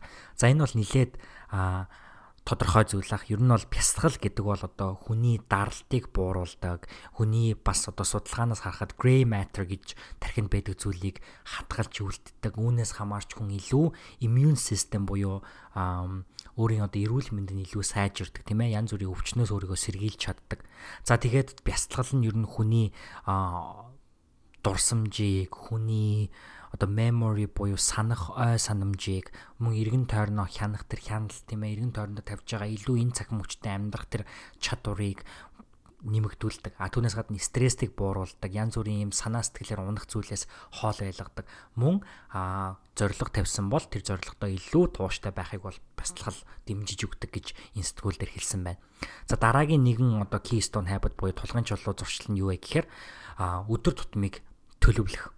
Тэгэхээр өдөр зүгээр хэдхэн минут суугаад тухайн өдөр юм уу аль эсвэл дараагийн шинэ өдрөө тэмдэглэх нь а одоо хүний амьдралд бол хийх ёстой өдөр тутамдаа хийх ёстой өдөр тутам шинэ өдрүүдэд хийхээр гарч исэн онцгой өөр өөр бас зүйлүүд байна шүү дээ. Тэгэхээр аль нь илүү чухал, аль нь илүү амьдралд тань их нөлөө үзүүлэх гэдэг юм уу? Эдгээр зүйлүүдийг 1 2 3 гэдэг одоо дарааллуулах тийм ээ. Аль нь илүү чухал, аль нь илүү чухал биш. Аль нь жинхэнэ хийх ёстой зүйл, аль нь зүгээр л сатааруулах, одоо садаач гэдэг юм уу тийм ээ. Эдгээр зүйлүүдийг бол олж өгөхөд бол тусалдаг.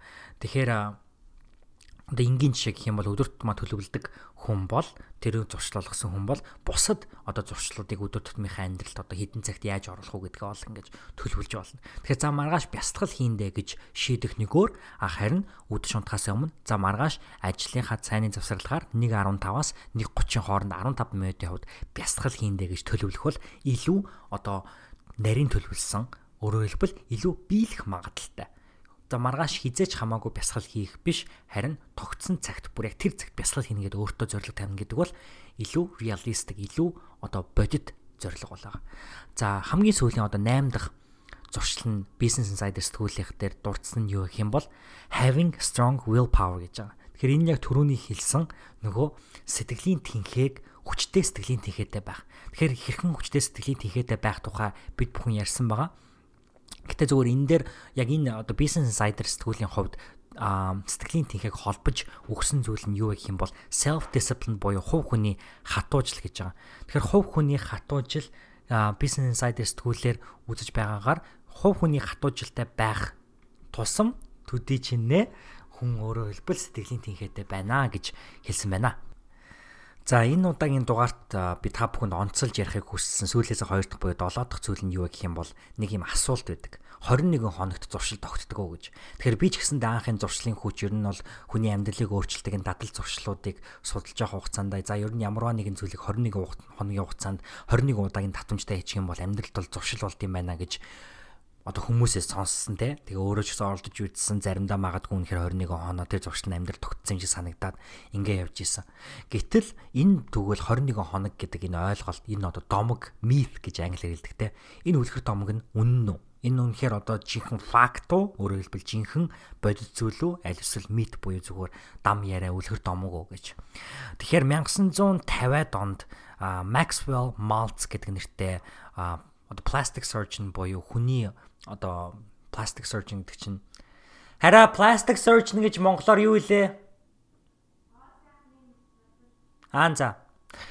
Maxwell Maltz гээд 1950-аад онд гоо сайхны нэмээс засалж одоо эмч нэг им зүйлийг ажигласан байгаа өөрийнхөө одоо өвчтнүүд өөртөө нэмчлэгээ хийлгэсэн хүмүүсийн дунд. Тэр нь юу вэ гэх юм бол а одоо чинь хин нэгэн шин хамар ч юм уу тийм ээ ингээд хамар ингээд шилжүүлэн суулгасан л гэж одоо энэ дэр бичсэн байна л да. Тэгээ одоо чинь ингээд шин хамартай болсны дараа тэр хамар нь яг тархиндаа захирагдаад зөв ингээд ажиллах хугацаа нь ер нь бол 21 хоногийн турш аа болсон гэдэг ч байгаа. Тэгээ одоо бусад одоо эргэтнүүд ч гэдэг юм уу одоо гар шилжүүлэн суулгах, хөл шилжүүлэн суулгахсны дараа мөн адилхан 21 хоногийн дараа одоо шинэ эргэтнээ тухайн хүний тарих, тухайн хүний оюун бодолч гэдэг юм уу юу нь бол таньж мэдэж авч удирдах яг одоо өөрийн мэт ингэж одоо тухайн шинэ эргэтнээ хэрэгжилж гэх юм уу да чадчихсэн. Тэгээ би яг хуу ангаахын ухааны мэдлэгтэй хүн биш учраас яг одоо ямар ямар үг хэллэгүүдээр тайлбарлахаа сайн мэдэхгүй байна. Гэтэ ер нь бол хар яриагаар ярихад бол шинэ эргэтэн шилжүүлэн суулгаад миний бие одоо миний тарих шинэ биеэ танихад тийм ээ шинэ эргэтнээ танихад 21 хоног шаардж исэн юм л дээ. Тэгээд доктор Малц тэр үед болохоор өөрийнхөө одоо амьдралын бусад хэсгүүдэд ер нь бол одоо шинэ зуршил бий болгоход бас 21 хоног ингээд өөрт нь аваад байгааг ажигласан гинэ. Тэгээ тэр жутаас учраас одоо 1960 он гараад өөрийнхөө үн энэ ажиглалт дээрээ тулгуурласан Psycho Cybernetics гэдэг энэ номыг гаргаж исэн худалдаанд. Тэгээд энэ ном нь болохоор 30 сая одоо 30 сая хуулбар зарагдчихсэн юм л дээ. Тэгээд энэ номыг зарагд за 1960 оноос хойш ерөнхийдөө бол одоо энэ хувь хүний хөгжлийн секторын том одоо мэрэгчлэтнүүд зэг загларч гэдэг юм уу Brian Tracy гэдэг юм уу Tony Robbins гэдэг юм яг энэ одоо мэдэн дээр энэ хүү одоо зүйлд дурдсан байна л да. Эдгээр хүмүүс болохоор а яг энэ 21 хоног гэдэг ойлголтыг их тийм хатуу ойлголтоор хувиргацсан. Хатуу гэдэг нь юу гэх юм бол яг 21 хоногт а зуршил тогтдгоо гэж. Тэгэхээр ер нь бол 21 хоногийн дотор та шин зуршлыг амьдралдаа бий болгож болно гэдэг энэ мессежийг бол ингээд нийгэмд тараагаад эхэлсэн. Тэгээ 21 хоног гэдэг бол одоо шинэ одоо ижидийн тоо баг болж хувирсан. А гэтэл яг үнэндээ болохоро 21 хоног гэдэг бол дундаж хугацаа байсан. Одоо доктор Валцын юунд харахад а энэ нь болохоор тэр хүний бас хоёрт болохоор ажиглалтан дээр тулгуурласан зүйл байснаас биш яг ингээд одоо scientific буюу шинжлэх ухааны талаас бол батлагдсан зүйл байгаагүй гинэ. Тэгэхээр мэдээч хэрэг энд бол үнний ор маш их байгаа гэдэгт бол итгэлтэй байна. Мэдээч хэрэг 2 3 удаа давтаад тэр зуршлахгүй нь ойлгомжтой. А 21 хоног буюу 3 7 хоног эсвэл 4 7 хоног болох юм бол мэдээч хэрэг тэр илүү амьдралын хим маяг болоод явахаараа яг зуршил болоод тогтох нь бол би боломжтой гэж бодож байна. Зөв миний одоо өчүүхэн миний бодлоос харахад. Тэгэхээр ер нь бол за 21 хоног хийчлээ одоо ингийн зуршил миний амьдралын нэг хэсэг боллоо гэж бодох нь л буруу юм байна. Тэгэхээр зарим зуршил магадгүй 21-ээс бага хоногч шаардаж магадгүй. Зарим нэгэн зуршил 21-оос илүү хоног магадгүй 2 жил 3 жил насаараа тэр зуршлыг амьдралдаа бий болгох годч болгож чадахгүй байж магадгүй. Гэхдээ тэр хамаагүй энэ удаагийн дугаарынхаа хоёрт хэлд хоёрдугаар онцлог зүйл дээр хэлж байсанчлан өнөөдөр хэн байх нь өнөөдөр юу хийх нь л чухал. Тэгэхээр энэ зуршил одоо 2 3 жилийн дараа над ингээд 2 3 жилийн дараа надад тогтохгүй бол яана гэж одоо ирээдүгөөсөө айх биш. Өмнө нь энэ зуршлыг амьдралдаа бий болгох гээд чадаагүйдээ байх биш хамгийн гол нь өдөр тутамдаа л тэр зуршлыг тогтоох гэж оролдох нь чухал. Ягаад гэвэл түүнийг хийж байгаа нь өөрөө мэдрэмжийг өгдөг. Үүл гэдэг бол мэдрэмжийг бий болгодог. Мэдрэмж шин бодлыг бий болгодог. Тэгээ монголчууд нэг хэлсэн байт юм да. Эрүүл биед саруулхан оршино гэж те. Тэрийг ингээ бодох юм бол зүгээр хүн ингээд айгу хөдөлгөөнтэй. Би одоо чинь ингээ заримдаа өдөр айгу муухай өнгөрч явахад жоохон ингээ гараад гүүхэд ч юм уу эсвэл жоохон гэрээ цэвэрлэхэд ч юм уу жоохон хөдлөхөд ингээд хүн ер нь жоохон хөдлөөд эхлэхээр арай ондоо мэдрэмж төрдөг. Тэр мэдрэмж болохоор шин бодлуудыг бий болгодог. Шин бодлууд шин үйлүүдийг одоо сэтэл төрүүлж шинэ үйлүүдийг хүргэдэг. Тэгээд мөнхчин ахта хийсэн подкаст дээр мөнхчин ахын дурдсан ном байсан шүү дээ. I think and grow rich буюу сэтг баяж гэдэг номыг Наполеон хийлийн. Төн дээр ч гэсэн яг энэ ойлголт гардаг. Аа хүний үйл хөдлөл бодлыг бий болгодог. Бодол сэтгэл хөдлөл мэдрэмжийг бий болгодог. Сэтгэл хөдлөл мэдрэмж бодлыг бий болгодог гэдэг. Тэгээ магадгүй та бүхэн анзаарсан бол би сая ингээд нэлийн хоорондын байрыг ингээд солиод солиод хэлсэн байж магадгүй. Тэр нь буруу юу гэвэл буруу биш. Энэ бол зөв. Ягаад гэвэл энэ гурван зүйл бодол, үгс, үйлдэл одоо бодол, сэтгэл хөдлөл тийм ээ. Тэгээд үйл гэдэг энэ гурван зүйл бол өөрөөсөө хоорондоо холбоотой зүйл.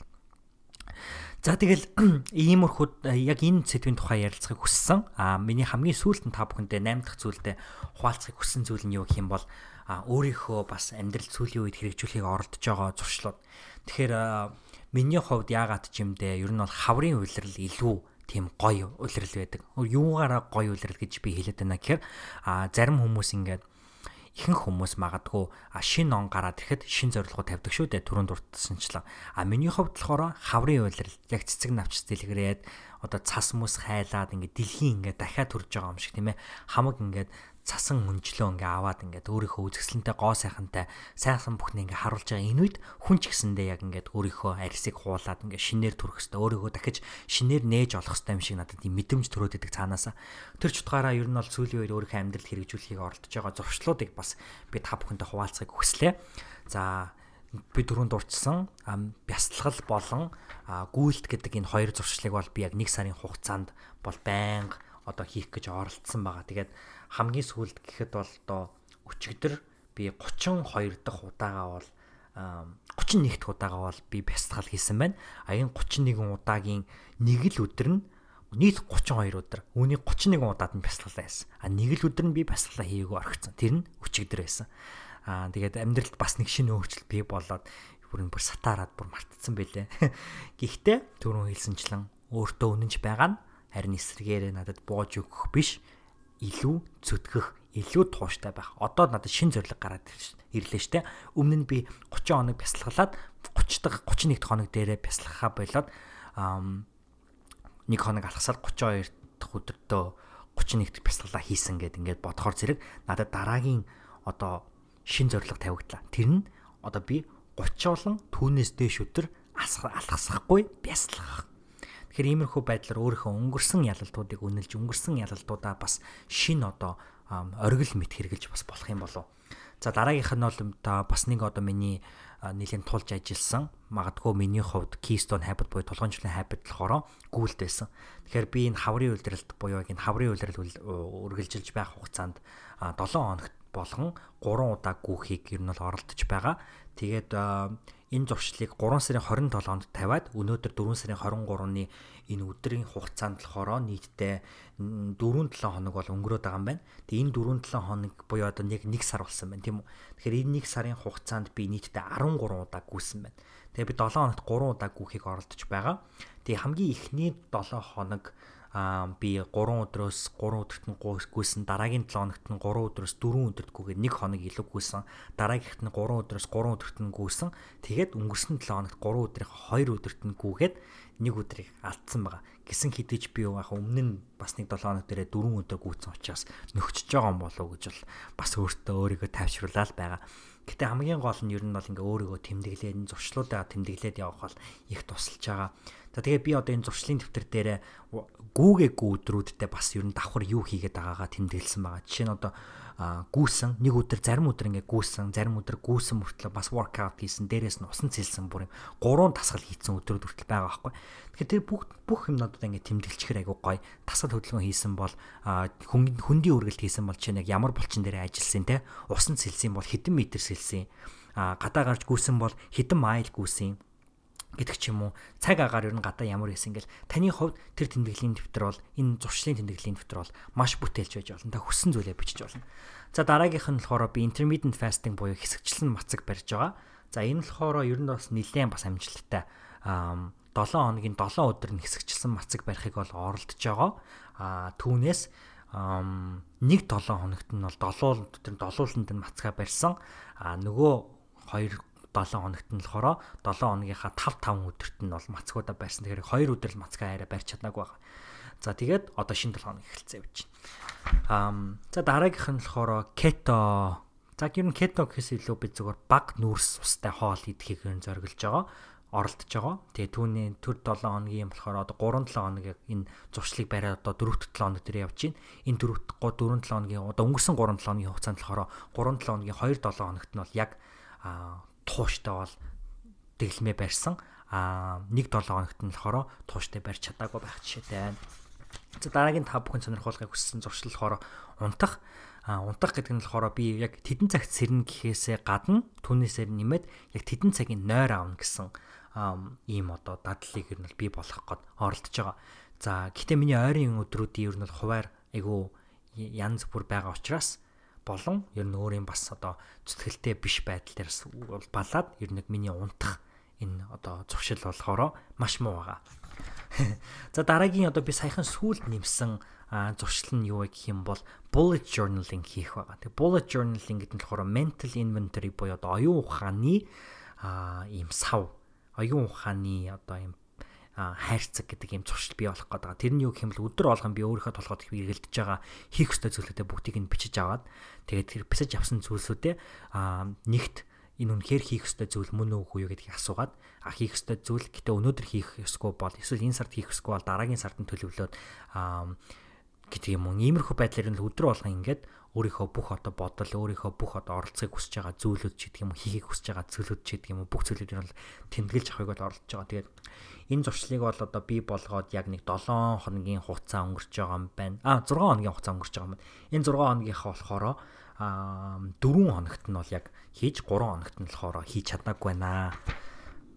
За дараагийн нэг амьдралдаа би болохыг оролдоод шинхэн тавьсан зуршиллахаараа өдрө болгон тогтмол цагт тогтмол хугацаанд ном унших. Тэгээд өмнө нь болохоор эн тэнд ингээл хаяа ингээл уншаал эн тэнд уншаал ингээл тогтмол хувааргүй уншдаг. Тэгээд бас илүү их нөгөө подкаст сонсдог, сонсдог ном сонсдог учраас яг унших гэхээ хойшлуулад илүү бас тийм өөр мэдээллийн сувгуудаар бол унших мэдээлэл авахыг бол илүү хичээгээдсэн. Тэгээд сүүлийн үед ер нь бол эргээд бас ном уншихыг илүүд үзээд байгаа. Ягаад тэгэхээр ер нь хурдан уншиж сурна гэдэг бол бас давуу тал ер нь чадвар шүү дээ. Тийм учраас өөрийнхөө хурдан унших чадварыг, сууж сурах чадварыг уншиж ер нь бол сууж уншина гэдэг бол бас өөрөөр миний хувьд бол keystone habit буюу тулгын чулуун habit зуршил амьдралын бас босод хэсгүүдэд маш их нөлөө үзүүлдэг ийм зуршил байгаа. За хамгийн сүүлд нь бас шинээр бий болгож байгаа зуршил нь юу гэх юм бол би ер нь сүүлийн үед minimalism-ыг сонирхоод байгаа. Тэгээд тэр нь болохоор хувийн personal minimalism project буюу хувийн минимализмын төсөд гэдэг ийм зүйл хэрэгжүүлж байгаа. Тэгээд тэр нь болохоор 30 хоногийн туршид а энгийн байдлуудаар өөрийнхөө амьдралаас хэрэггүй цаг үеийн өнгөрөөсөн зүйлүүдийг бол устгаж үгүй болгох. Тэгэхээр одоо эхний нэгдүгээр өдөртөө нэг ширхэг ид зүйл хувцснаас босод а мөн нэг ширхэг хувцас одоо хувцс тийм ээ. За дараагийн өдөрт мөн одоо тухайн нэг эхний өдөртөө нэг ширхэг одоо хэрэггүй имэйлийн subscription аль эсвэл нэг ширхэг хэрэггүй одоо програм гар утсан дээр болон компьютер дээр байж болно. Тэгээд иймэрхүү. Аа тэгээд хоёр дахь өдөр нь болохоор энэ сая нэг гэж хэлсэн зүйлүүдээ хоёр болгоод явчихна. Өөрөөр хэлбэл хоёр эд зүйл, хоёр хувцас, хоёр email subscription, хоёр хэрэггүй програм устгана. За тэгээд иймэрхүү байдлаар 30 хоногийн турш бол яваад үзнэ гэж бодож байгаа. Тэгээд одоо миний байдлаар яг нэг л өдөр яг бүрэн хэрэгжүүлээд хоёр дахь өдөр дээр явж байгаа.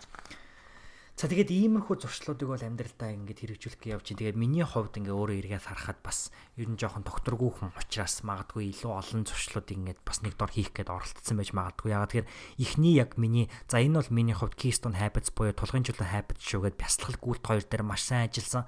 Тэр хоёр маань маш сайн байсан. Түүнээс урамшаа за бусад habit-уудыг би ч гэсэн одоо чадна гэдэг ингээ хийгээд эхэлсэн.